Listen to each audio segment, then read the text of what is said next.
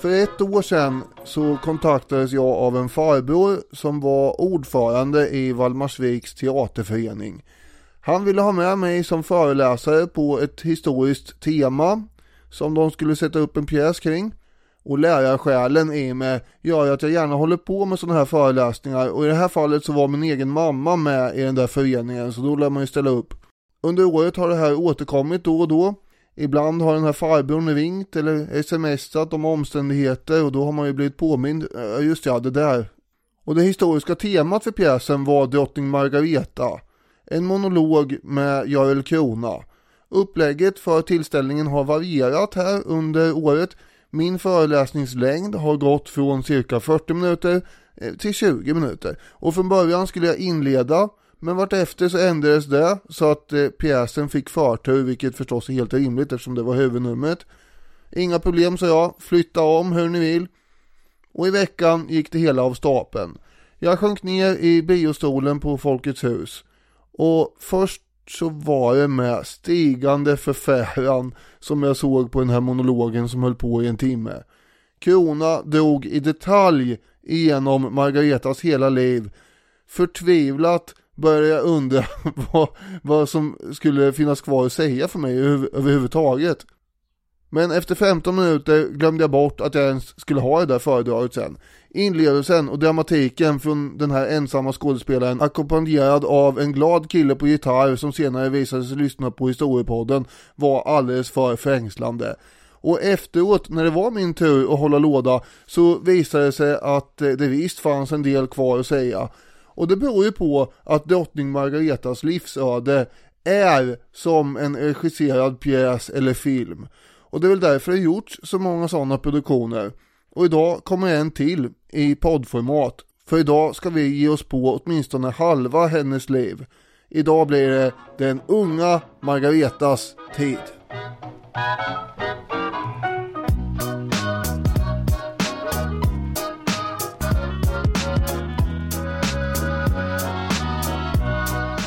Då får vi lov att hälsa er varmt välkomna till Historiepodden. Ja, det får vi väl lov att göra. Vad härligt att du har haft en så stark kulturupplevelse i veckan. Ja, det är härligt. Landsbygdsteatern lever. Det gör den, ska jag tala om för dig. Det finns annat än, än operan i Stockholm som du är inne på dagarna ändå. Om man vill boka Daniel Hermansson för att komma och prata om drottning Margareta, hur gör man då? Ja, just Margareta kanske inte är det framförallt står och pratar om. Jag har ju skrivit en bok bland annat, jag kan prata om andra saker också. Eh, men man kan, det kan man göra förstås, man kan ju boka mig om man mejlar till mosseriet.gmail.com till exempel. Ja, just det. det. Vill man någon av oss någonting funkar alltid med kontaktformuläret på hemsidan historiepodden.com också. Ja, det gör det. Mosseriet med två S där då. Ja. Annars blir det ju Moseriet. Ja. Det är mer så här, det är Erika Pommen, Margaretas ja. adoptivsons verksamhet man kommer till då. Ja, just Vi har ju ett eh, fåtal portalgestalter, verkliga sådana i nordisk historia. Och eh, på samma sätt som vi inte gör ett avsnitt om Gustav Vasa så gör vi heller inte ett avsnitt om drottning Margareta. Utan här ska vi följa henne från eh, födsel till det att hon i eget namn kommer bli den dominanta personen i både Norge och Danmark. Ja, och som sagt, eh, vi eh, jobbar ju genom att eh, stycka upp historien i små tårtbitar. Och är man intresserad av en annan tårtbit med Margareta så kan man ju lyssna på avsnitt 433 där vi pratar om Vitaliebröderna. Mm. Och där ingår ju då diverse komplikationer med Albert av Mecklenburg och sånt där som eh, kommer snurra förbi lite grann idag också. Ja, precis. Det blir mer sjöröveri då också. Ja, lite grann. Innan vi går vidare i avsnittet så har vi en punkt kvar. Vi behöver kanske inte spela gingen, men... Den är ju en banger, synd att missa gingen. Okej okay, ja. Rättelse och fel. Ja, mea culpa, mea culpa, mea maxima culpa, mea culpa, mea culpa, mea maxima culpa. Då förstår ni vart vi är på väg. Jag måste väl då krypa till korset och erkänna att det är så att potatisen inte är en rova eh, utan eh, ja, det är ju en rotfrukt, eller hur? Ja, ja, potatisen är en potatis. Eh, Ja men vad då en potatis? Det här, det är ju en rotfrukt. Vi, det måste vi kunna etablera i alla fall. Det är en rotfrukt, det är det. Ja, Bara för sakens skull, på NE står det potatis, art i familjen potatisväxter. okej. Ja, det här kommer ju från avsnittet om Adolf Fredrik och semlorna. Där det i en liten passage slank ur mig att potatis var en rova. Varpå du köpte det eftersom jag sa det med... Nej, det, det här, va- precis, det här har jag varit lite irriterad över. Jag, jag tänkte inte säga någonting, men nu, Va? för jag har, jag har ju dragits med i det här. Ja, men jag- vad fan. Att ni, nej. Jag dras ju med jag, jag har ofta lyssnat, när du säger saker och ting. Och här var det ju jag Ja. som hade fel. Jag har ju också nu Ja. erkänt det här. men, och, och, absolut, men det är så många som har sagt att ni Ja, men- eh, gjorde och att Daniel och Robin gjorde det här. Jag säger uttryckligen, är potatis verkligen en rova? Och så sen så svarar jag på nästa fråga som har kommit. Ja, det äter man ju gärna och hela tiden.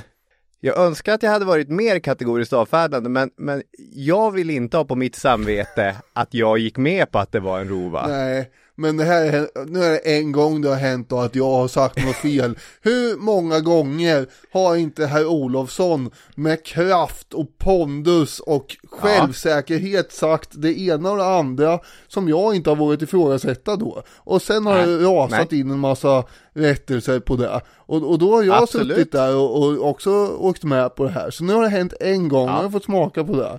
Ja. Exakt. Härliga tider. Enda gången Daniel Hermansson har gjort fel. Det är jag och John Myrdal. podden. Det är- det är sardiner och rovor i, i Janssons, men i övrigt så är det rätt mest hela tiden. Ja, ja, ja. Jag ska hålla mig borta från matfrågor, sa jag.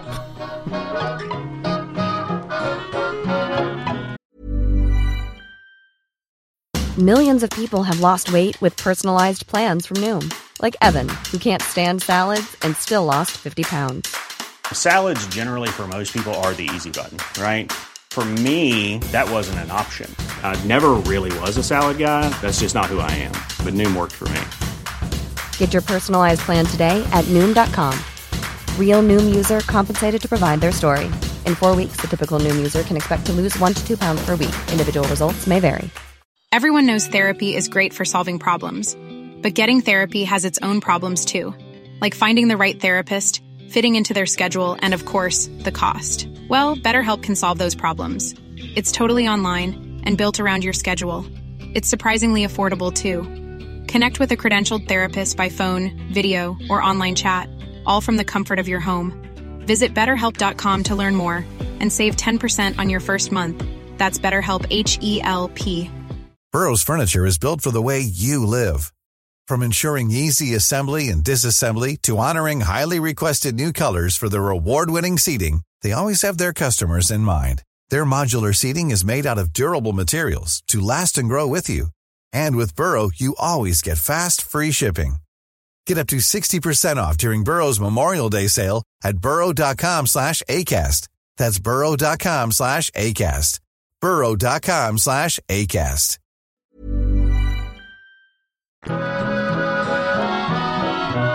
När det gäller Margareta så måste vi ju börja med, med hennes pappa va. Just det, Valdemar. Valdemar, en eh, gigant i historien precis som hon själv då förstås. Ja. Genom olyckliga omständigheter så hade Danmark försatts i situationen att landet knappt fanns som stat under 1330-talet. Och åtminstone så fanns det ingen dansk kung på någon dansk tron under den perioden. Istället så styrdes landet eller området av en holsteinsk greve under åtta år. Orsakerna till det här var att under de första decennierna av 1300-talet eh, så hette den danske kungen Erik Menved och eh, han hade ett olyckligt öde på flera sätt. Han eh, var gift med Magnus Ladulås dotter, det var väl inte olyckligt på sätt och vis i och för sig själva det, den eh, Det är inte där i olyckan ligger. Nej, men det hänger ihop där lite grann då. Ingeborg Magnusdotter hette hon. Och hon födde ju då paret 14 barn. Varav ingen överlevde spädbarnstiden. Och många Mm. var dödfödda. Det är ju en ofattbar tragik i det. Ja, precis. Och ehm, delvis talande för tiden också. Ja. Hur, eh, hur få det var som faktiskt nådde vuxen ålder. 14 är ju extremt, men även i det här avsnittet kommer vi ju se att barnen inte alltid blir långlivade. Men dessutom så hade ju eh, Erik Menveds eh, ekonomiska hantering eh, fått eh, ishockeyklubben Vita Hästen som har lyckats gå igenom två konkurser på 30 år att framstå som superkompetenta jämfört med Erik Menved. Ja. Så det, Hästen har inte rest sig som Danmark sedan Nej. dess. Inte än i alla fall. Ni behöver en atterdag. Ja, men när Erik Menved då, om det nu uttalas så, dog 1319 så övergick ju kronan till hans bror då, Kristoffer den andre, vilket då är Valmars pappa och Margaretas farfar. Och då var ju mycket av kronans mark redan pantsatt till diverse grevar från Holstein. Och Kristoffer, han tvingades då till en ganska stram kungaförsäkran där han eh, begränsades ganska rejält egentligen och ändå fortsatte han med dyr äventyrspolitik mot en massa nordtyska städer och sådär. Vilket i sin tur gjorde att han pantsatte ännu mer av kronans mark. Erik Petersson som har skrivit en bok om Margareta, drottning Margaretas dröm. Han jämför den här danska lånekarusellen och alla inteckningar med en modern spelmissbrukares jakt på pengar. Och ungefär så känns det som att det var när Kristoffer och hans bror Erik höll på. 1332 så övergick panträtten för Skåne till slut då, från en holsteinsk greve till den svenska kungen Magnus Eriksson för 34 000 mark. Och samma år, 1332, så dog Kristoffer. Och då hade han redan hunnit bli avsatt en gång på 1320-talet och sen kommit tillbaka. Men nu dog han alltså och då kom det ingen ny dansk kung efter honom. Utan istället kommer Danmark styras av en holsteinsk greve. Men han hade ju en son och det var ju Valdemar som, som när han då är i 20-årsåldern på 1340-talet påbörjar Danmarks återuppståndelse. 1340 utsågs han till kung över norra Jylland. Och med den eh, lilla plätten som plattform så kommer han sen då tugga tillbaka Danmark in i historien igen. Mm. Och eh, det gjorde han ju väldigt skickligt då med liksom steg för steg med olika metoder eh, rekonstruera den danska kungamakten. Dels genom krig och dels överta panträtter för län från ägare som hade dött i digerdöden och sådär. Det var ju smidigt, nu är det ingen som äger det här. Då tar jag hand om den, ja, sa han. ja, det gäller ju att, eh, vad är det man säger, att man ska aldrig låta en bra kris gå till spillo. Nej. Eller någonting i den stilen. Någon har säkert sagt så. Ja, och det här är ju en av världshistoriens största kriser. Precis. Vad tänker du på när du tänker på Valmar Atterdag? så, jag tror att eh, är man svensk så går tankarna mycket snabbt till Visby. Ja, det blir ju så. Och eh, 1880-talets version av Visby Ja, i Carl Gustav Hellqvists tavla Brandskattningen av Visby som jag har hänger precis bredvid mig här för övrigt. Där sitter ju har du gått med rödpennan och markerat alla faktafel Nej, det har jag verkligen inte gjort utan eh, här betraktar jag den där som om den vore sanning. Nej, ja. Eh, Men min eh, son tycker också om att sitta och äta kakor och titta på den där målningen. Så jag har fått förklara Ja, det- vad alla de här figurerna på tavlan heter. Och det är ingen som vet förstås, utan, utom Valmar då. Det har jag sagt. Just det är det. den elaka danska kungen säger jag där som sitter.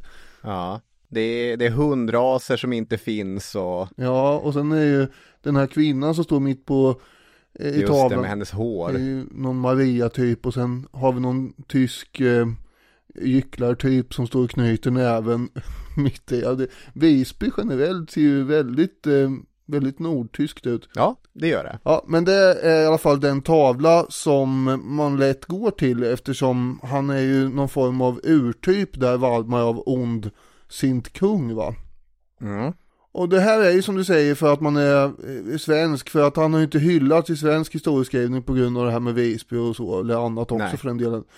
Och han var ju en förslagen och kallhamrat beräknande maktmänniska, det måste man ju ändå säga. Mm. En machiavellisk Gustav Vasa, långt före varken Machiavelli eller Gustav Vasa fanns. Mm.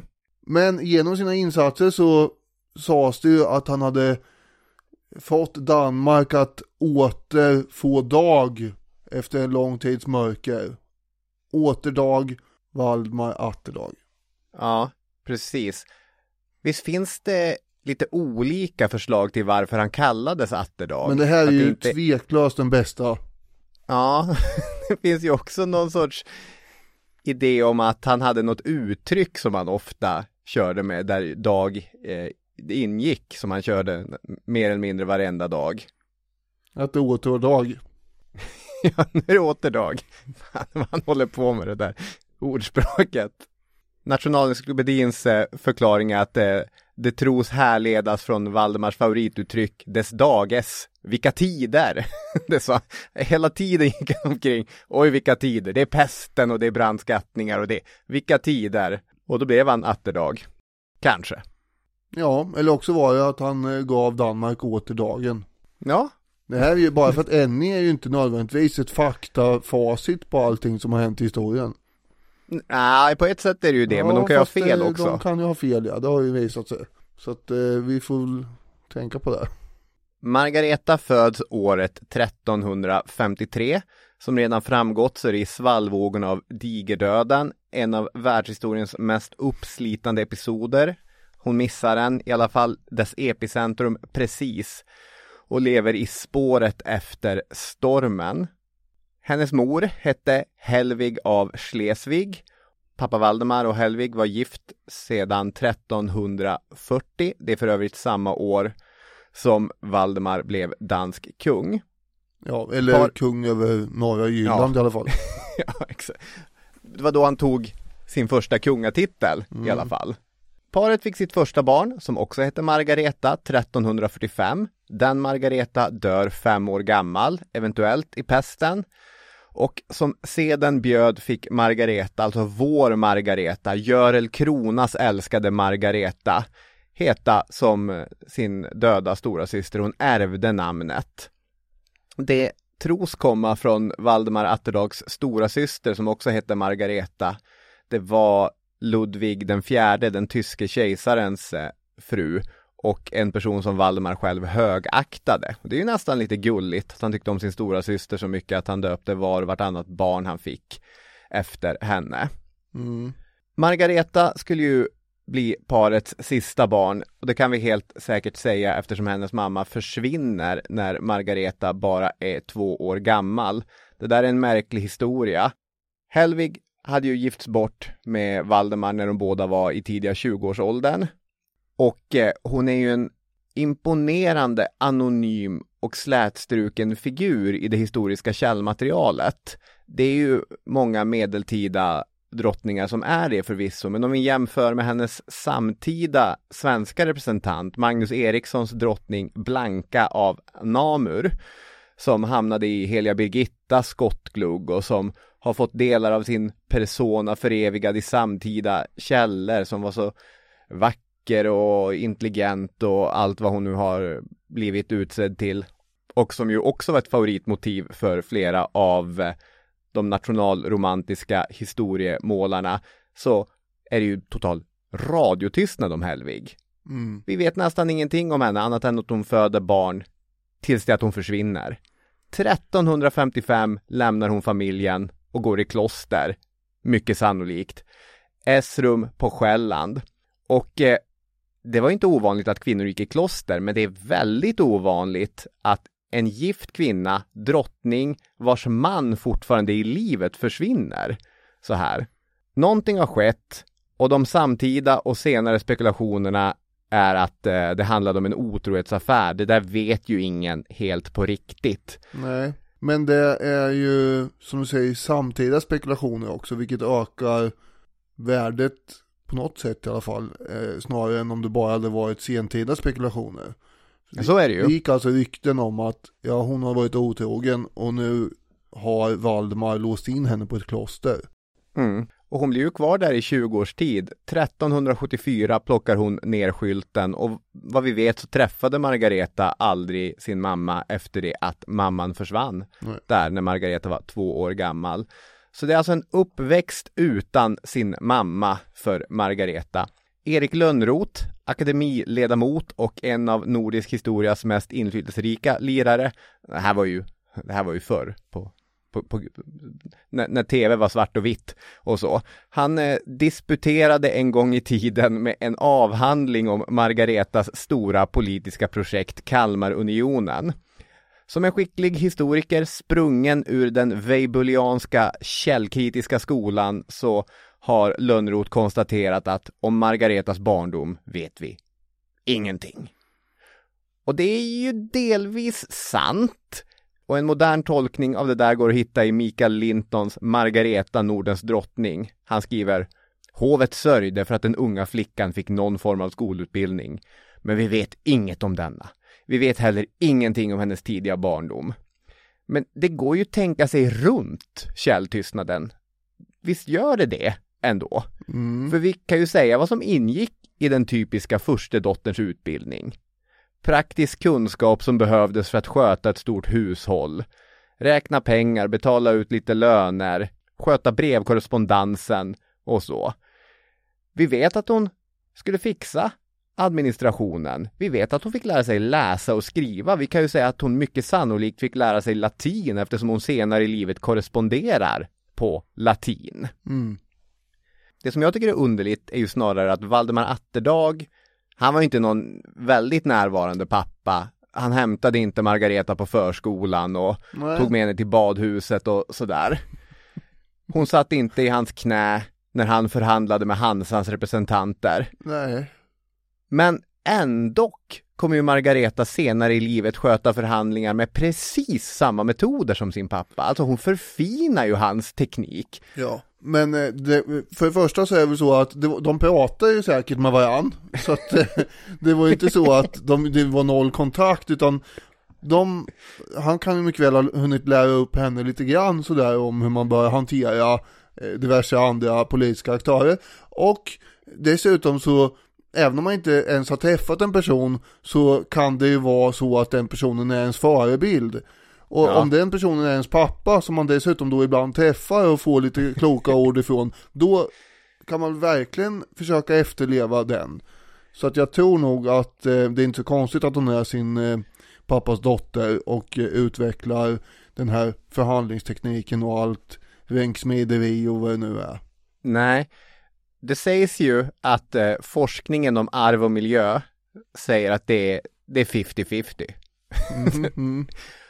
Och, och då kan man ju undra där, är det att hon har vistats runt pappan eller är det att så här, i generna sitter durkdrivenheten? Jag tror, jag vet och den har hon bara. Nej. Så, eh, så tror jag inte att det är. Det är ju ett lotteri i så fall.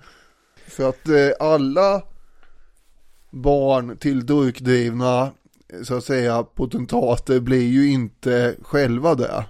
Nej. Tänk eh, han eh, som vi gör oss roliga över i avsnittet om eh, den stora oredan, Erik den fjortonde son som hamnar i Ryssland och är alldeles för snäll och beskedlig. Erik den fjortonde son Gustav Vasa. Ja, det här är ganska intressant för att den här Gustav, Erik den fjortonde son, jag, jag sa det till Jenny när jag läste om det här, att det här, honom tänker man inte på ofta nu för tiden. Nej, han är en bortglömd karaktär och eh, Boris Gudonov märkte också att efter att Gustav hade varit eh, vid eh, Gudunovs hov en period det, det var ju ingen durkdriven maktmänniska som hade anlänt där. Det här var inte någon kandidat som på riktigt skulle kunna sätta Karl den nionde som är en durkdriven maktmänniska ur spel. Nej, det var, han var inte riktigt kapabel att eh, tävla med. Det kanske inte var så mycket, han var ju också son då till eh, Karin Månsdotter som eh, inte kom ifrån, jag vet inte, det har inget med genetik att göra det här, men det, det fanns inga... Du, du, tänk, var du tänker att eh, Det var inte tillräckligt mycket Vasa i honom helt enkelt bara, det var väl det kanske. Blodet hade tunnats ut, Karl den nionde det var mer renodlad durkdrivenhet där. Ja, kanske. Men apropå Gustav Vasa, alltså den viktiga Gustav Vasa höll jag på att säga, så hade ju han eh, i och för sig tre söner då, som var väldigt durkdrivna, men han hade ju också en fjärde, Magnus, som inte alls var där. Så då skulle då den här genetiken innebära att det till 75% kan bli det är gener då i så fall. Ja det här är väldigt lösa boliner de här spekulationerna, vi kan nog inte hålla på med det här. Nej.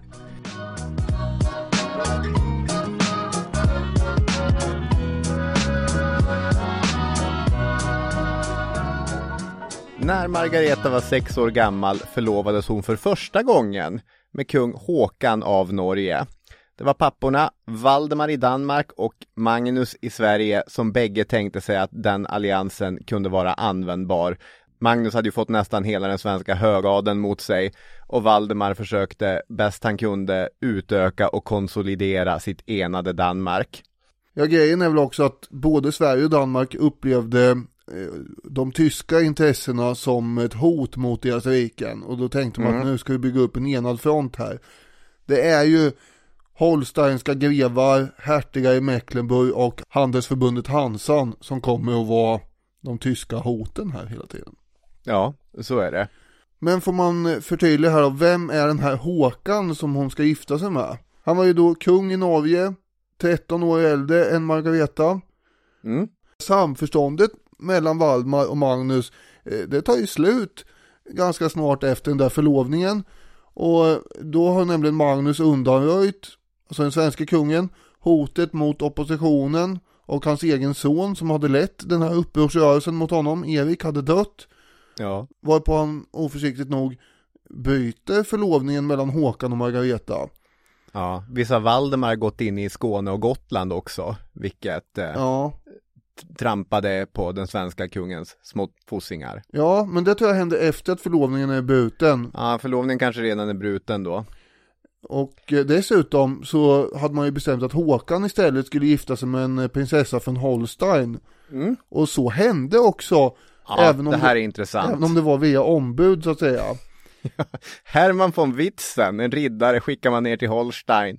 Och eh, han kläs upp till brudgum där. Mm. Och, och står framför och, och ger löften typ eh, Ja, Hermann von Witzen i egenskap av mitt juridiska mandat att agera i kung Håkans namn tager dig, Elisabeth som hon hette, till min och, så fortsatte Mm. det eh, sådär. Det här är en medeltida variant på Love is blind.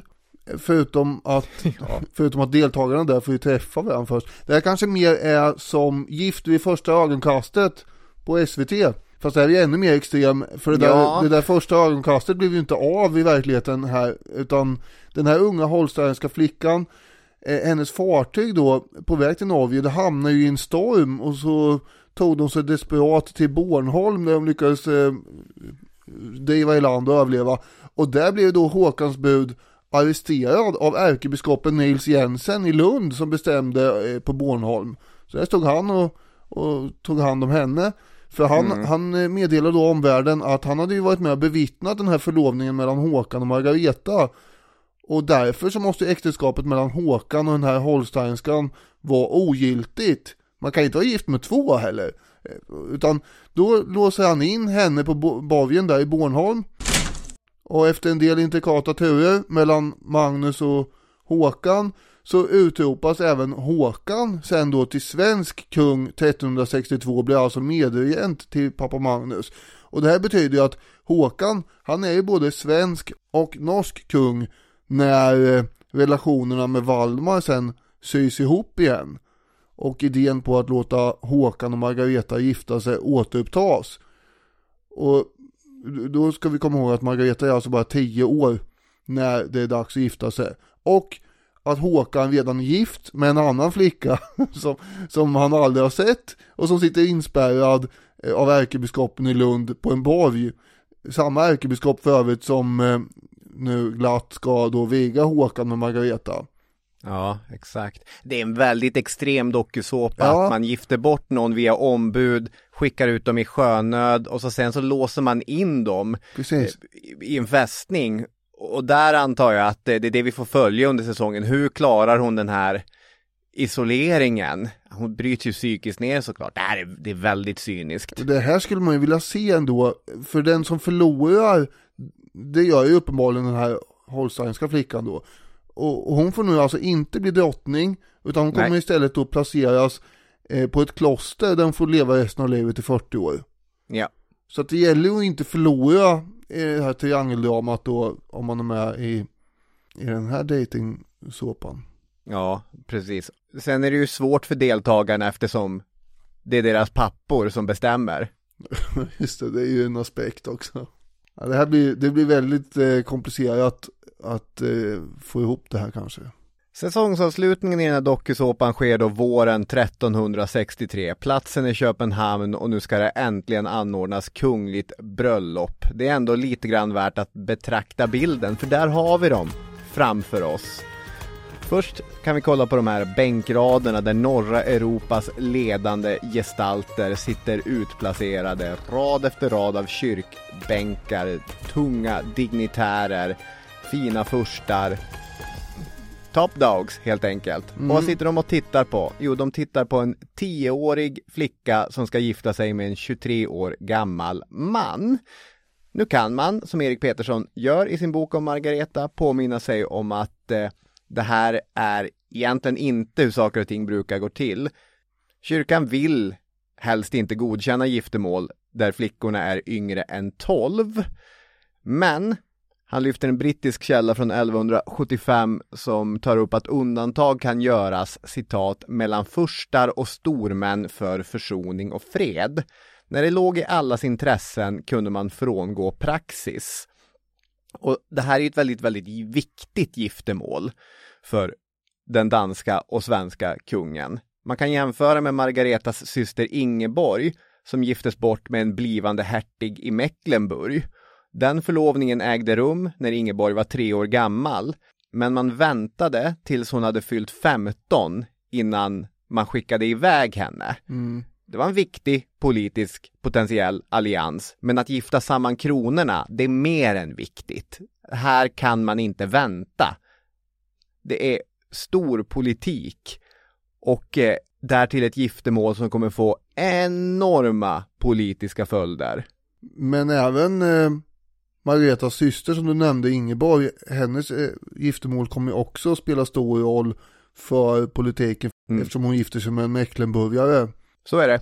Men det här är ju som sagt, det är tjo och kim, skratt och skålar, helstekta grisar kan man tänka sig, flödande öl. Turnerspel kan man tänka sig. Vi vet ju inte det här för vi har inga jättebra källor bevarade utan man får återigen pussla utifrån hur kungabröllop brukade vara. Men det är ju ändå en form av peak life här kan man tänka sig. Det är höjdpunkten i tillvaron för många. Det verkar ju ha varit en, det vi vet i alla fall, är ju en trevlig tillställning. Och sen om man jämför då med hur det blir efteråt framförallt, när allt går ut för ganska snabbt och, och deras liv blir eh, ganska, antingen slutar eller blir rätt sorgliga, så, så är det här toppen på eh, på, på mycket av tillvaron. Sen kanske det blir inte sämre för just Margareta, men det kommer ju hända massa tråkiga saker eh, som vi ska gå igenom här. Vi kan också hålla i minnet hur arg och upprörd heliga Birgitta var över det här bröllopet.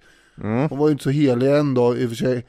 Eh, hon hatade ju kung Magnus, den svenska kungen och allt vad han gjorde. Och det här äktenskapet mellan Håkan och Margareta kallade hon ju för en lek med dockor. Och hon utlyste ju någon form av förbannelse eller profetia också om det här äktenskapets avkomlingar som de minsann inte skulle få någon glädje av och så. Hon var ju ganska bitsk. Ja, ja hon var bitsk och eh, en eh, viktig politisk spelare i 1300-talskontexten.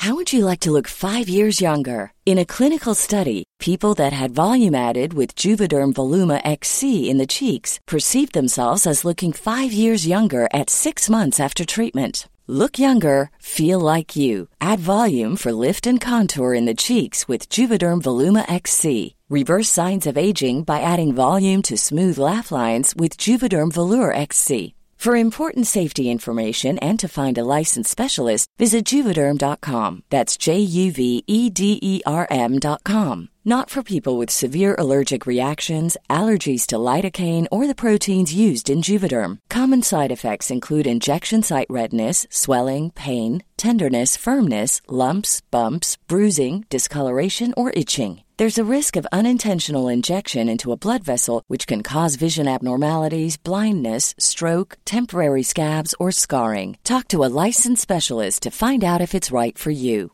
Everyone knows therapy is great for solving problems, but getting therapy has its own problems too, like finding the right therapist, fitting into their schedule, and of course, the cost. Well, BetterHelp can solve those problems. It's totally online and built around your schedule. It's surprisingly affordable too. Connect with a credentialed therapist by phone, video, or online chat, all from the comfort of your home. Visit betterhelp.com to learn more and save 10% on your first month. That's BetterHelp H E L P. Burrow's furniture is built for the way you live. From ensuring easy assembly and disassembly to honoring highly requested new colors for their award-winning seating, they always have their customers in mind. Their modular seating is made out of durable materials to last and grow with you. And with Burrow, you always get fast, free shipping. Get up to 60% off during Burrow's Memorial Day sale at burrow.com slash ACAST. That's burrow.com slash ACAST. burrow.com slash ACAST. Valdemars enda son, arvtagaren Kristoffer, Margaretas Mm. storebror, han dör två månader efter det här bröllopet. Just det. vid 22 års ålder. Och det tog ju förstås Valdemar begripligt nog mycket hårt. Några månader senare så gör han en Europaresa som vi inte vet mycket om. Man får nästan intrycket av att han bara ville komma bort från allt. Dessutom, året efter bröllopet 1364 så avsätts Håkan och Magnus som kungar i Sverige eftersom adelsoppositionen i Sverige inte ville veta av den här alliansen med danskarna. Och så rotar man fram en motkandidat till Magnus, nämligen hans systerson Albrecht av Mecklenburg som placeras på den svenska tronen. Och därmed så tar ju då Birger Jarls Bjälbo 1 slut på den svenska tronen vid det här laget. Mm. Håkan är ju däremot fortfarande kung i Norge, men Magnus, eh, honom får vi återkomma till i ett annat avsnitt. Vi har gjort ett avsnitt om hans eh, eh, ungdom så att säga. Men, Den, den unga Magnus. ja, men eh, man kan väl säga att han blev tillfångatagen efter ett slag mot Albrecht och sitter fängslad länge och sen blir han på ålderns höst så hamnar han ju hos Håkan i Norge och går runt där och bestämmer lite på olika delar av Norge och så. Men så är läget 1364 då att eh, nu har eh, Håkan blivit bortkörd ifrån Sverige. Vad Margareta tänkte och tyckte om allt som hände här, det finns ju inte noterat någonstans. Det var inte så att hon flyttade ihop med Håkan direkt som tioåring. Nej. Utan det fick ju vänta tills hon blev 16 år. Det här bröllopet var ju mer en formalitet för att man skulle som sagt gifta ihop eh, kronorna. Ja, de här förlovningarna bröts ju härsan och tvärsan tydligen, så att eh, nu får vi ha en ordentlig vigsel här. Ja, just det. Men hon fick ju flytta hemifrån i alla fall och uppfostras på en borg i Dalsland hos en fostermor som hette Märta Ulfsdotter. Och det, Vem är det? Ja, vem är det ja? Ja, det är ju heliga Birgittas dotter givetvis. Just det. Och Margareta uppfostras och utbildas då alltså tillsammans med Märtas egen dotter Ingegerd. Och det var ju då, ja det var inte en chockerande uppgift kanske, men kunskap i kristendom och kristen etik stod ju högt upp på schemat så att säga. Det gjorde det. Ja.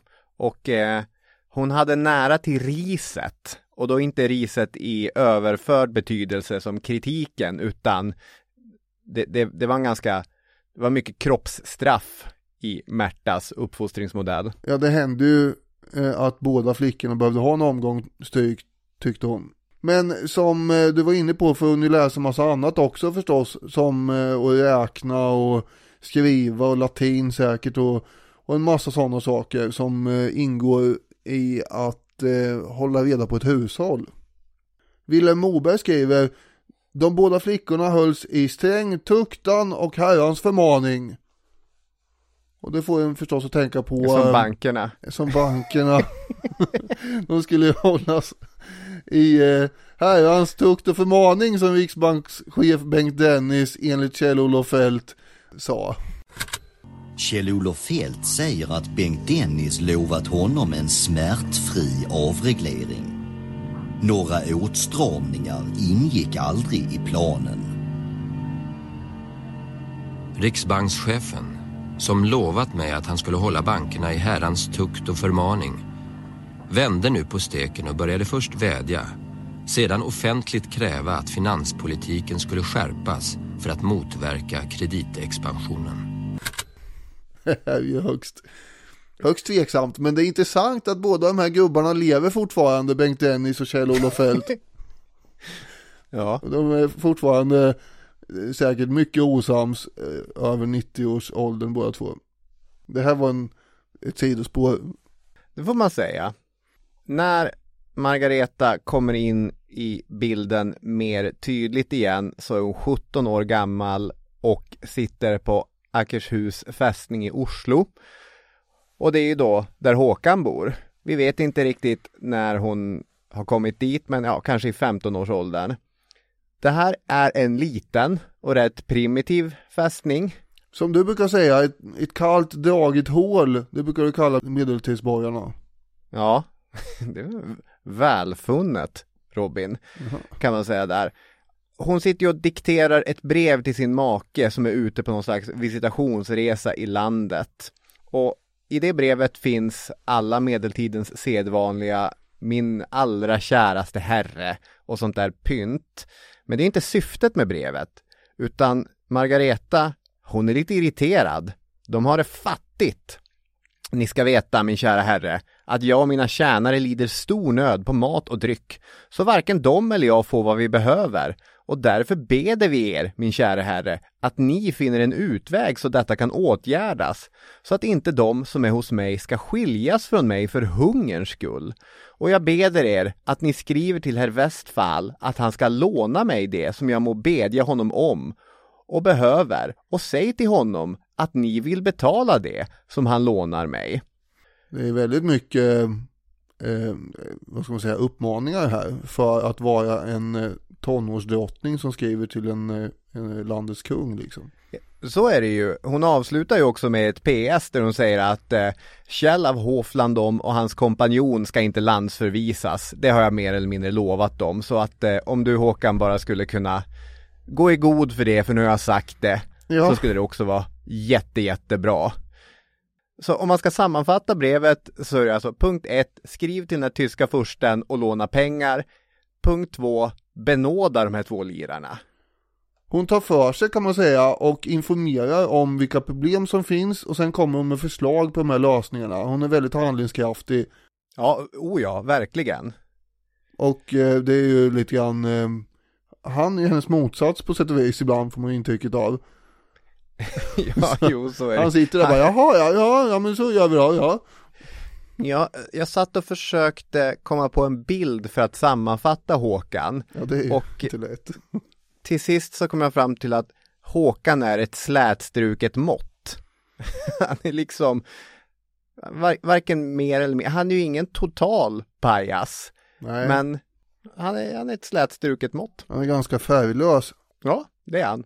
Men hon skriver ju också till honom att i det här brevet att han inte ska bli arg på eh, några, vilka det nu är. Och det har ju historiker då försökt eh, knuffa in olika uppfattningar om, om honom i. Att han kanske, ja han hade svårt med temperamentet då.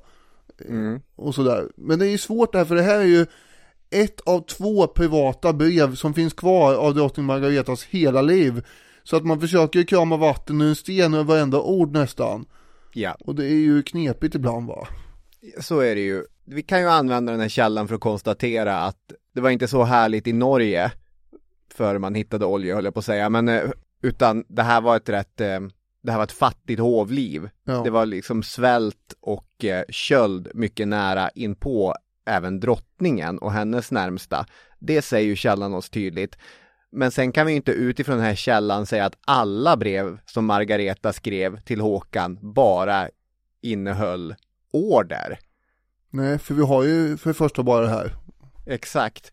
Så om det här är representativt för deras relation, då är hon ju redan som höggravid 17-åring mycket involverad i det politiska livet. Men det kan ju också vara så att det här är en outlier, att eh, det här brevet har fler order än de andra breven. Du sa att hon var höggravid och det kommer ju leda fram till att hon då förstås föder ett barn. Ja. 1370, då föds en son och han kommer få heta Olof efter nationalhelgonet Sankt Olof som eh, levde på 1000-talet och som alla gick runt och kände till på den här tiden. Han var ju en eh, kändis. Ja, verkligen. Det var ju den viktigaste pilgrimsfärden i Norden gick ju genom Sverige mot eh, Trondheim eller Nidaros där han hade kultplats och allting. Då har det ändå gått 300 år. Kan vi, det är kanske som att Karl XII är ganska känd eh, fortfarande för oss då. Ja, just det. Och den här Olof kommer ju då kunna ha arvsanspråk på alla tre kronorna i Norden och blir förstås direkt arvtagare i Norge. Mm. Och Även Valdemar var mycket nöjd över det här barnbarnet Olof. Nu hade han två manliga potentiella arvtagare via sina döttrars söner. Eftersom eh, även Margaretas eh, syster Ingeborg borta i Mecklenburg har tidigare fött en son som heter Albrecht. Just det. Det här har vi inte sagt va, men Norge är ett arvskungadöme medan Danmark är ett valkungadöme. Ja, det är, det är ju lite så att även Danmark är det i praktiken va. Okej. För att eh, familjen som eh, sitter på tronen prenumererar ju på tronen i regel. Den äldsta sonen får i regel ta över efter pappan. Det, det är ju så att den ska formellt väljas men eh, det måste ju vara någon eh, riktig knäppjök eller odugling för att man inte ska välja den äldsta. Jag fattar. Valdemar, han hade ju nyligen tagit sig själv och Danmark ut ur ett krig med blotta förskräckelsen. Kriget hade börjat med att han hade höjt skatten på sill, det är så krig kan börja. eh, För eh, de här Hansastäderna, vi är i slutet på 1360-talet här nu. De blev sura då, de ville inte betala mer skatt eh, på den här sillen.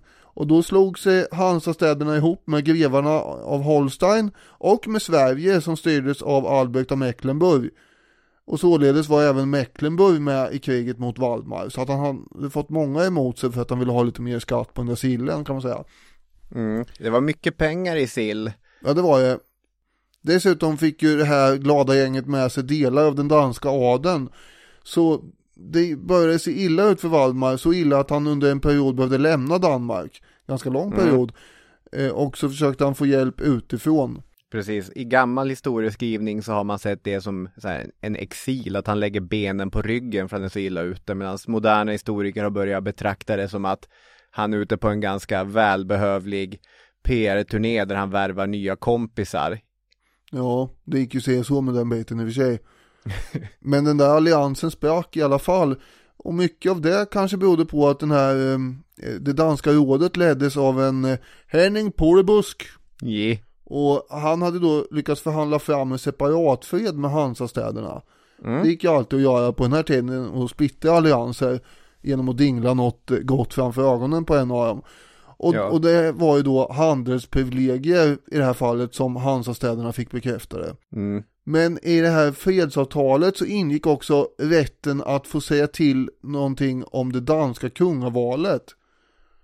Och det enda som behövdes nu för att eh, stänga det här avtalet, det var ju det danska storsigillet och att det hängdes på fredsavtalet. Mm. Och här visar sig då, kan man säga, Valdemars halhet.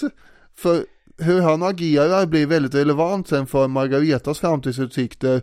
Och eh, de här Hansastäderna, de visste ju att det var ju kantboll va, på att lita på vad Valdemar hade lovat.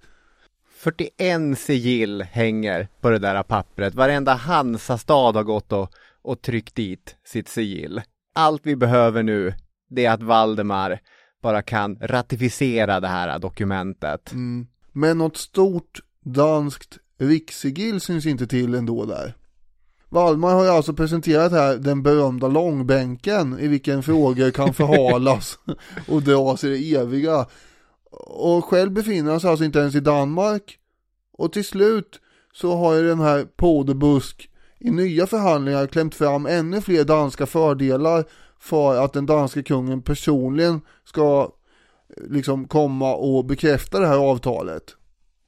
Och när han kommer för att göra det till slut så ser man ju framför sig hur de här förväntansfulla leende Hansa-representanterna sitter som tända ljus runt det här bordet. Bara, ja nu kommer han här äntligen. Och, och så börjar Waldmar fingra efter sigillen i någon väska där och bara Men för helvete, vad, har jag lagt? Ja, ja, ja, det, det gick med. Ja, så kan det vara. Vilken otur. Vilken otur. Han har glömt det. Ja. Som av en händelse har han glömt det stora danska rikssigillet. Och det här sigillet, det innebär ju då att besluten är mer långtgående och gäller liksom för rikets framtid, inte bara för kungens personliga livstid. Men han lovar ju förstås att han ska ta med det nästa år. Mm. Och så länge så sätter han dit sitt eget personliga sigill. Vilket alltså förlorar sin verkan fullständigt efter hans egen död. och, och, på det här sättet nu så har ju då Hansan trots avtalets bestämmelser egentligen inget bindande bevis på att de får vara med och bestämma över ett danskt kungaval. Nej, exakt. Och det är väldigt förslaget och typiskt Valdemar ju. Ja, och har en egen sorts eh, kallhamrad elegans. Ja. I förra avsnittet så fick jag så varmt beröm från dig Daniel, när jag jämförde en händelse ur boxarupproret med en händelse ur finsk andra världskrigshistoria. Så jag har fått blodad tand. Jag har blivit torsk på att jämföra saker med det finska andra världskriget. För under andra delen av Finlands tre krig under andra världskriget, fortsättningskriget, det man för tillsammans med Tyskland mot Sovjet, så har ju den finska presidenten Risto Ryti givit en personlig förbindelse till Adolf Hitler att inte sluta någon separat fred med Sovjetunionen. Därtill var man nödd och tvungen om man ville ha ökat stöd från det nazistiska krigsmaskineriet. Men sen blir verkligheten verkligheten och för att garantera att det ska finnas ett Finland även efter andra världskriget så måste man ju förhandla fram en separat fred med Sovjetunionen. Men då kan ju presidenten Ryti avgå och lämna över tyglarna till Gustav Mannerheim, som i sin tur ingår avtalet med Sovjetunionen. Ett avtal mellan stater som görs i en persons namn kommer ju alltid innebära att det finns ett manöverutrymme bort bortom den personen, oavsett om man är död eller bara avgår från presidentämbetet. Mm. Så det går att kofota in Finland även här. Ja, du, får inte fortsätta med det här nu och försöka för mycket. Men eh, det är väl det är godkänt det här med. Skönt. Och Valmar var ju alltså i krig med fler än eh, Hansastäderna. Men han lyckas sluta fred med Mecklenburgarna också. Genom att först muntligt och sen i ett litet brev med återigen hans eget privata sigill lova att hans dotterson Albert den yngre ska få rätt till den danska kronan. Ja men då, då kommer Mecklenburgarna bara ja men bra då slutar vi fred här också. Så han fick alltså fred utan att ha överlämnat någon makt egentligen till någon över Danmark efter hans död till någon utomstående. Nej. Eh, för att det var ju som sagt bara ett privat brev det här också. Mikael Linton skriver Mer än ett vackert löfte var inte heller detta brev, då Danmark var ett valrike. Det var alltså inte något bindande kontrakt och Waldmar satte givetvis endast sitt lilla hemliga personliga sigill under brevet. Av förnyade och upprepade brev från Hansastäderna framgår att de absolut inte var nöjda så länge det stora rikssigillet inte hängde under fredstraktaten från Stralsund. De är alltså på tjata flera gånger om att kan ni bara rota fram det där stora ja. sigillet, snälla någon, någonstans vet ni väl vad det är. Det var återkommande tema från de här desperata Hansastäderna, för de visste ju att utan det så gäller inte ett jädra skit av det här säkert. Japp. Yep. Stralsundfreden blev aldrig någonsin bekräftad på det sätt som städerna begärt. Genom sin skickliga diplomati hade kung Valdemar skapat ett utomordentligt fint utgångsläge för de förhandlingar som drottning Margareta och riksrådet skulle föra efter hans död.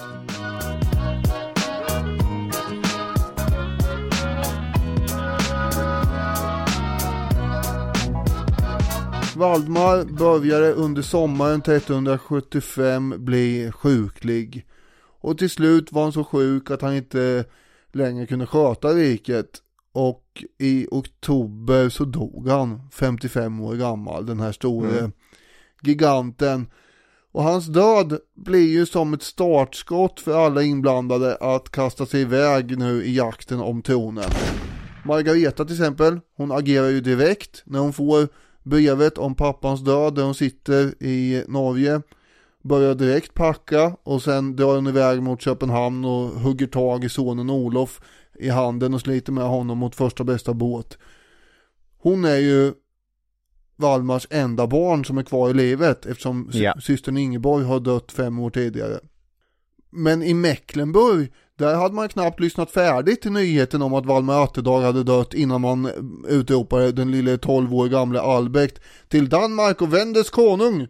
Och det här är ju då alltså Margaretas systerson, Olofs kusin och Mecklenburgarna knåpar ju snabbt ihop då Albrechts kungasigill. Albrechts pappa är ju hertig av Mecklenburg då och han var ju alltså då Valdemars svärson, precis som Håkan var. Hertigen är i sin tur då kompis med kejsaren, den tysk-romerske kejsaren Karl IV. Och hertigen fick då kejsaren att skriva direkt till det danska rådet och allvarligt rekommendera Albrecht som kung nu i Danmark. Mm -hmm. Och som Alf Henriksson skriver så kunde det här måhända motverka sitt syfte eftersom det danska rådet inte alls hade lust att erkänna någon kejsare som överordnad till dem. Vadå? Va? Har. Det är ungefär som om eh, en amerikansk president skulle komma och säga åt eh, den svenska regeringen vem som ska bli landshövding i Östergötland. Va? Vänta här nu, det har väl inte du med att göra? Eh, så, eh, så är ja. feelingen här. jag är inte helt säker. Eller? Vadå, är det här en dålig spaning? jag vet, vi har ju det här samarbetsavtalet och så med USA. Det är... Ja men det är väl ändå väldigt orimligt.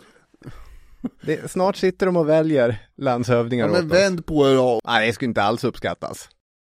Ja, nu kommer mycket hända snabbt här. Alla de här hertigarna av Mecklenburg sammanträder med diverse holsteinska grevar och med sig har de ju då också lille Albrecht som behändigt nog kan betraktas som Danmarks kung. Och så sitter de väl där runt något bord och tillsammans med sin kung av Danmark så beslutar de om eventuella utgifter som kan komma av ett krig mot just Danmark.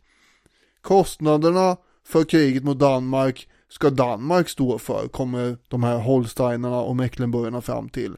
Och så slutar det med att den här lilla Albrecht har pantat bort det mesta av sitt eventuellt kommande danska rike. Och alla de här besluten tar sig förstås helt över huvudet på den här tolvåringen. Och två veckor efter Valmars död och fyra dagar efter kejsarens brev har kommit till det danska rådet så skriver också då Margareta på sitt håll i ett brev att hon är Danmarks, Sveriges och Norges drottning. Och det är ganska djärvt mm. av en 22-årig kvinna på den manliga medeltiden som inte har någon som helst rätt att kalla sig drottning i Danmark heller. Nej, just det, hon är inte gift med Danmarks kung. Nej, och det här påtalar ju då medlemmarna i riksrådet och protesterar mot det här tilltaget. Och därför kommer hon ju senare, hon är inte liksom dum eller tjockskallig utan hon fattar att okej, okay, är rådet emot det kanske jag måste backa lite. Så i senare dokument och skrifter kallar hon sig bara drottning över Norge och Sverige. I Norge är hon ju de facto drottning och mm. i Sverige kan hon ju hävda att hon har rätt till den titeln eftersom hon gifte sig med Håkan när han var kung av Sverige och därmed så blev hon drottning då. Sen, sen att det, den här usurpatorn Albrecht har tagit över den svenska tronen sedan dess, det är en annan femma kan man hävda. Just det. Och i Danmark så kallar hon sig istället för rättmätig arvinge till herr Valdemar. Inte samma go där som drottning men det är ändå Nej det har inte riktigt samma konnotationer, men det är, man får ju jobba med det man har liksom. En kombination av saker här gör nu att viktiga personer i rådet kommer välja hennes sida. Dels har vi kejsarens ganska klumpiga brev som inte togs emot så väl. Och sen har ju Margareta sin pondus och målmedvetenhet som verkar vara rätt övertygande på de här farbröderna i mm. rådet. Mm. Och hennes förmåga att knyta rätt personer i dan den här danska politiken till sig genom diverse mutor i form av gods och slott. Valdemars gamla högra hand Henning Polebusk han blir en väldigt lojal Margareta-anhängare. Mm. Hon knyter många till sin sida, vilket har varit viktigt för henne här. De här Hansastäderna, de hade ju alltså juridiskt sett inte något att säga till om eftersom Valdemar hade slarvat bort det där stora rikssigillet. Eh, men danskarna är ju ändå måna om att Hansastäderna inte blir fientligt inställda till den nya kungen som Margareta vill ska vara hennes son Olof. För det är ju Hansastäderna som har mest resurser till att föra krig. Mm. Så eh, Margareta skickar Podebusk till eh, Lübeck för att ge dem handelsrättigheter och garantera det. Och Lübeckarna tar emot Podebusk och det här brevet för Margareta.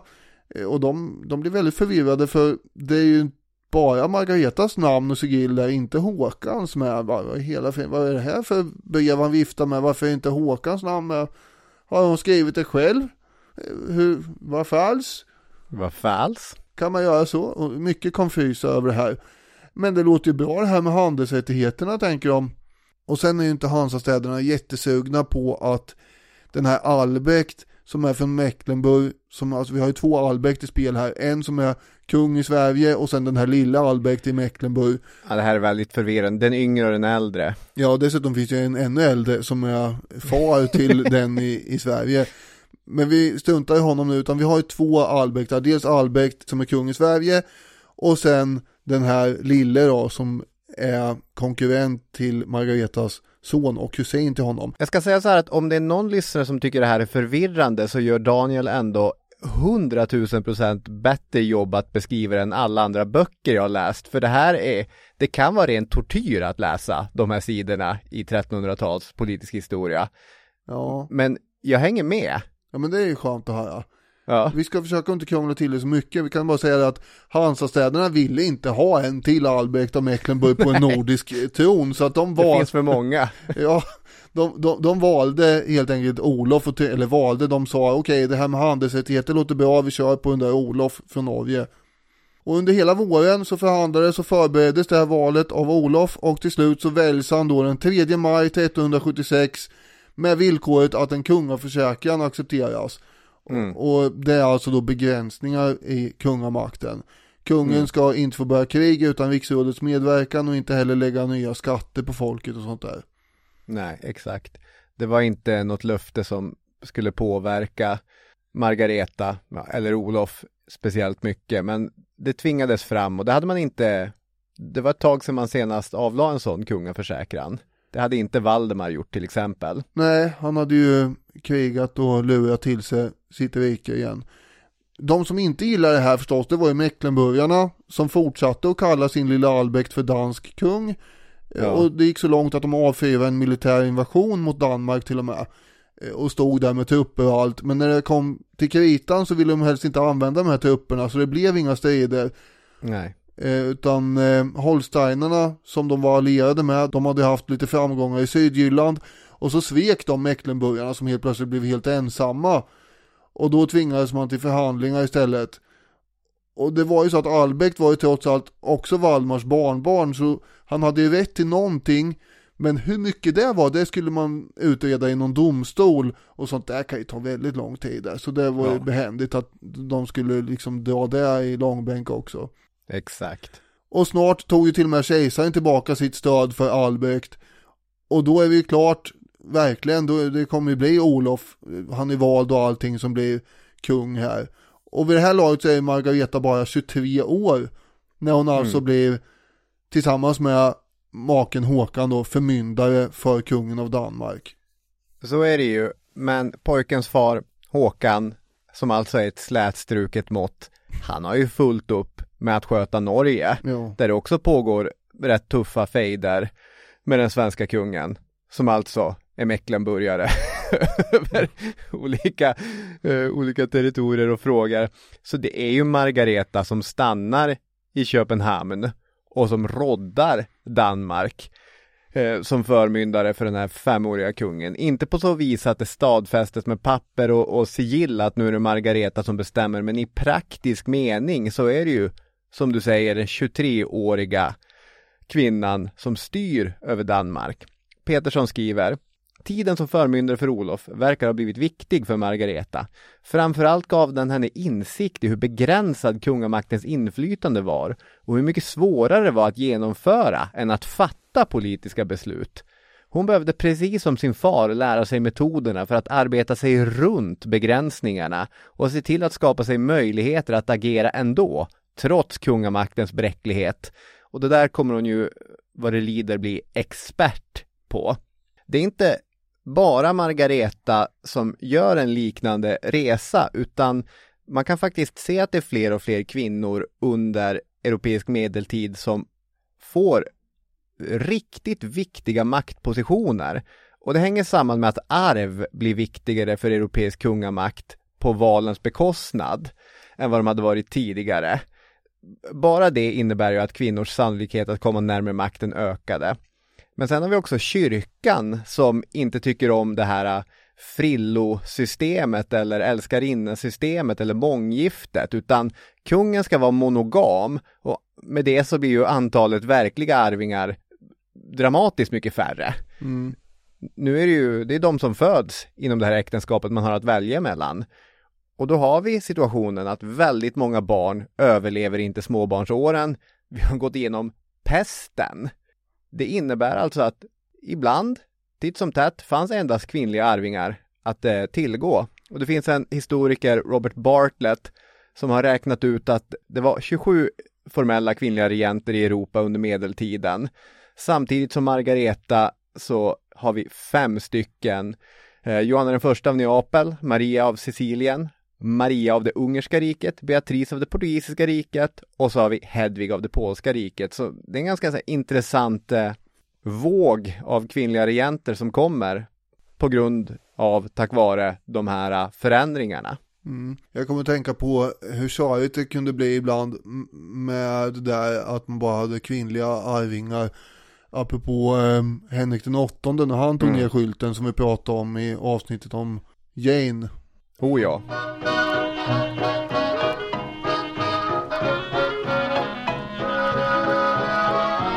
Mm. 1380 så dör Håkan, kung av Norge, vid 40 Mm. års ålder. Handen slätstukna alltså. Och eh, nu utropas då Olof till ny kung i Norge, Margaretas son. Det var ju så att mest hade ju Håkan nu varit i Norge och Margareta hade hållit till i Danmark så de hade väl inte sett så mycket egentligen alls de senaste fem åren. Nej. Generellt får man väl säga att den här relationen verkar ha varit rätt ljummen. Ja, så är det ju. Men de hade ändå stöttat varandra under 17 år. Och nu är han död och Margareta är 27 år och änka och Olof Mm. är bara 9 år när han också blir kung i Norge alltså.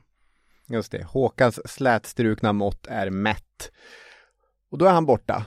Det finns ju en episod som visar hur Margareta fungerar som politiker och att hon är sin fars dotter, man ska säga. Och det är ju Skånefrågan.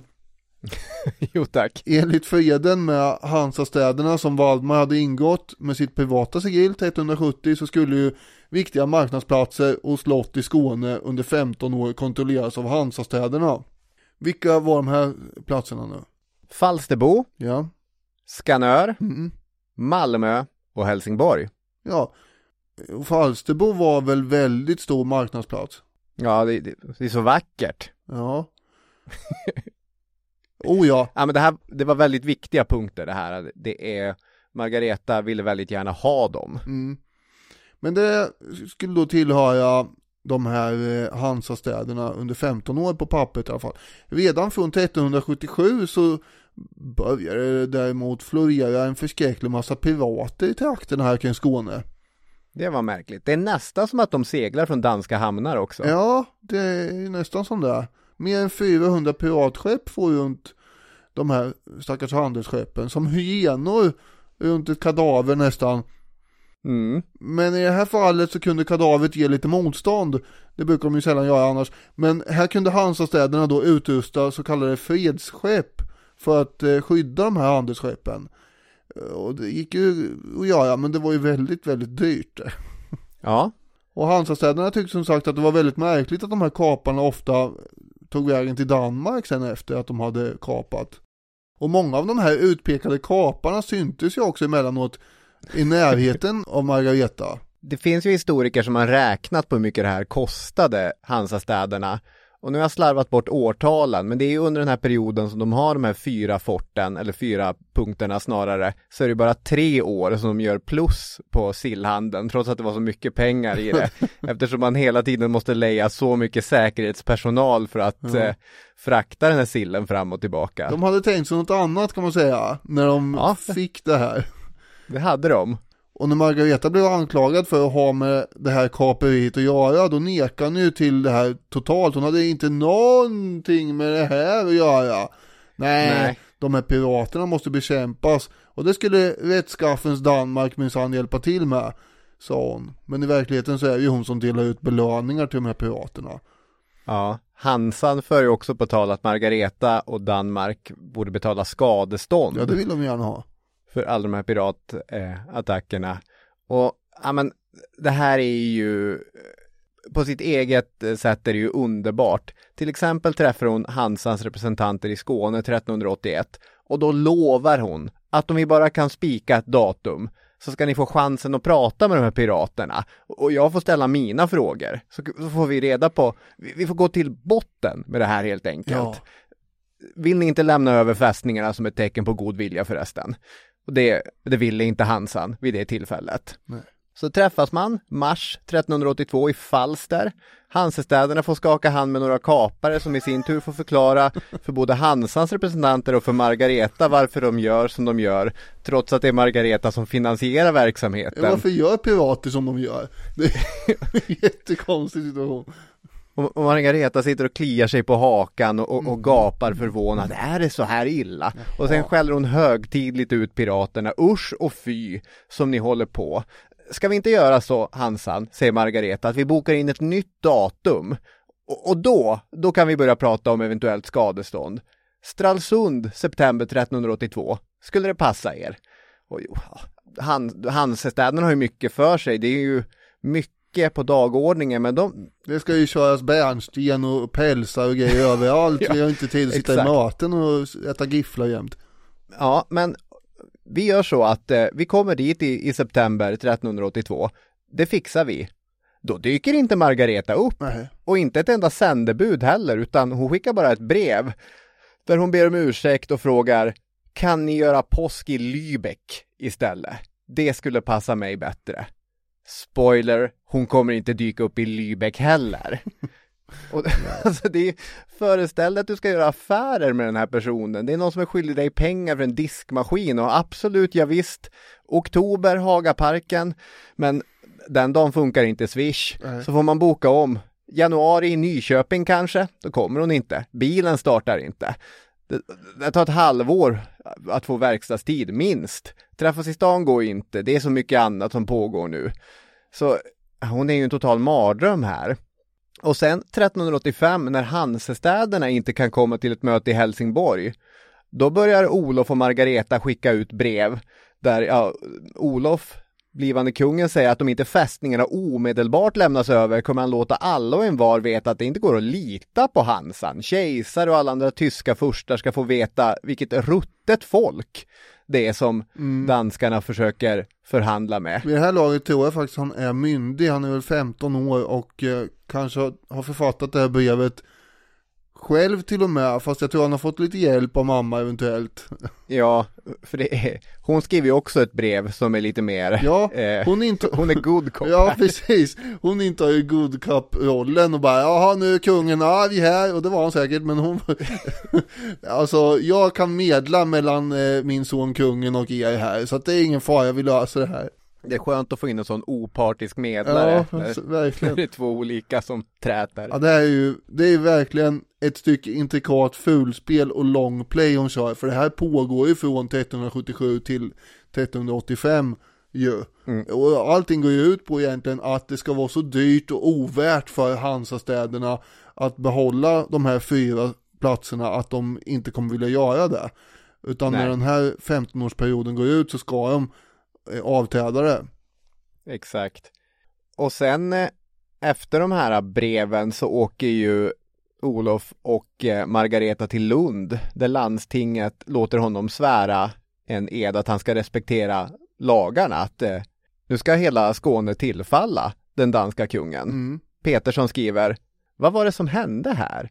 Utan att ha fått något beslut om de skånska fästningarna och landområdena i västra delen av landskapet skulle lämnas tillbaka från Hansan hade kung Olof under överseende av Margareta firat hela landskapet Skånes återgång till danska riket. Något undantag för de fyra fästerna gjordes inte. Nu är det bara fullbordat faktum. Mm. Så kan det gå.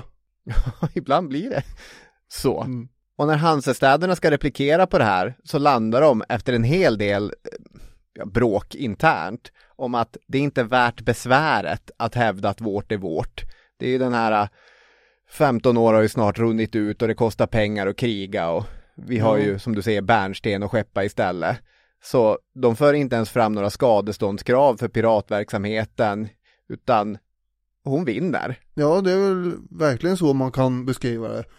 Jag hade inte koll på att det bara var tre av de här 15 åren som gick plus, men då blir det ännu tydligare att det, det är rimligt att släppa de här ställena. Ja.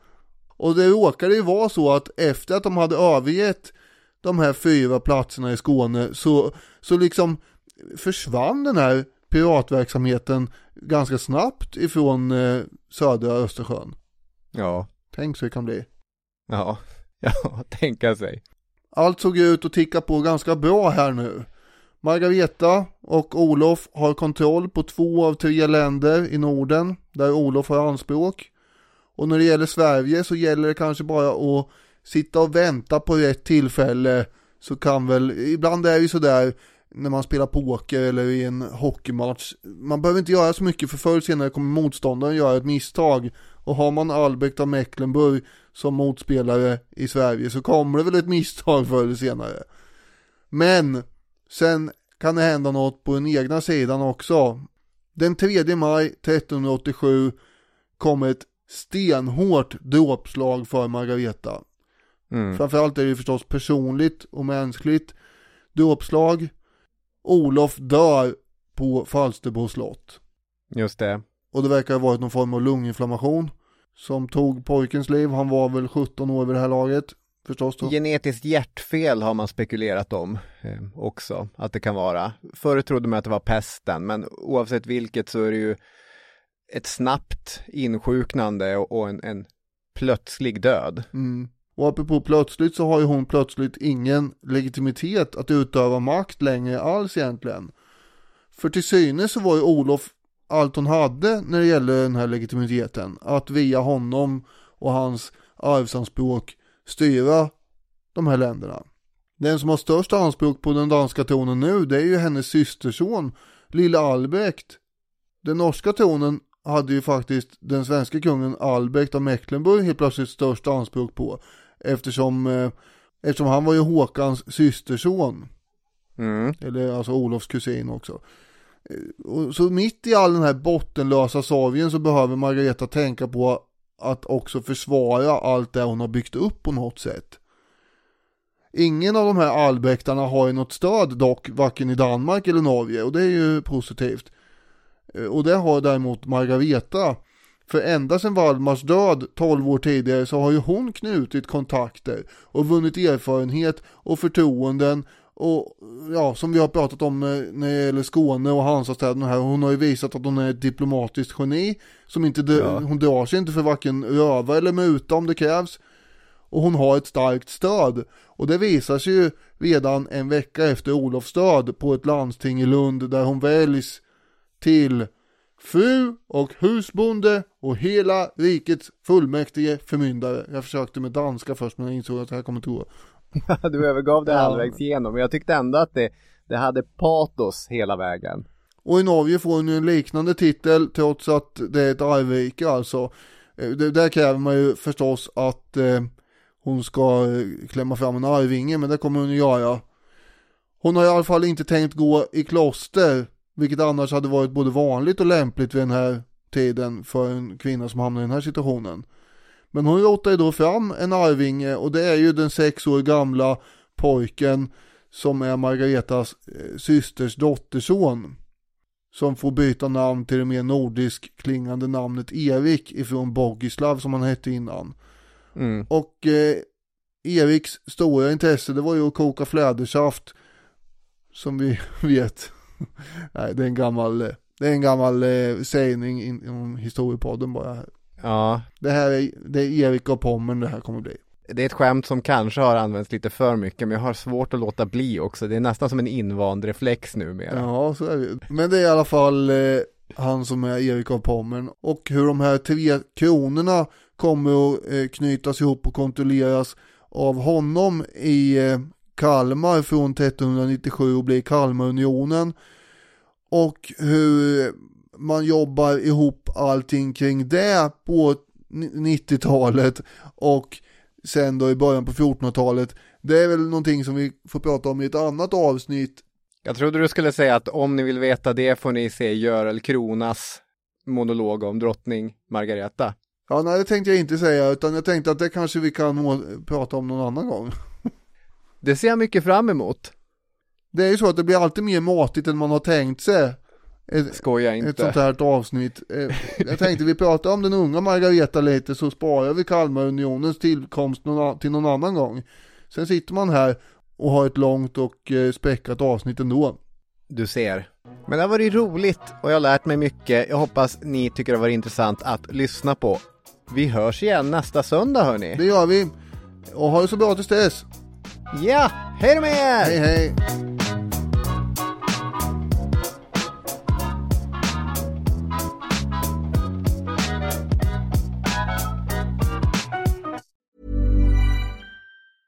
Planning for your next trip? Elevate your travel style with Quince. Quince has all the jet setting essentials you'll want for your next getaway, like European linen, premium luggage options, buttery soft Italian leather bags, and so much more. And is all priced at 50 to 80% less than similar brands. Plus, Quince only works with factories that use safe and ethical manufacturing practices. Pack your bags with high-quality essentials you'll be wearing for vacations to come with Quince. Go to quince.com slash pack for free shipping and 365-day returns.